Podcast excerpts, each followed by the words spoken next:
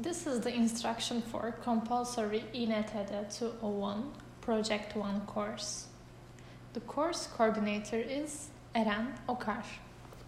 Within the context of this course, user requirements and space function relationship will be taken into consideration in the design of a house with a particular building quality and interior space comfort. With this aim, a house will be designed for a family of two adults and a child. The aim of this course is to bring the student to the level of designing and arranging interior spaces, particularly the living environments, as well as developing his or her ability and technical knowledge for project drawing and presentation.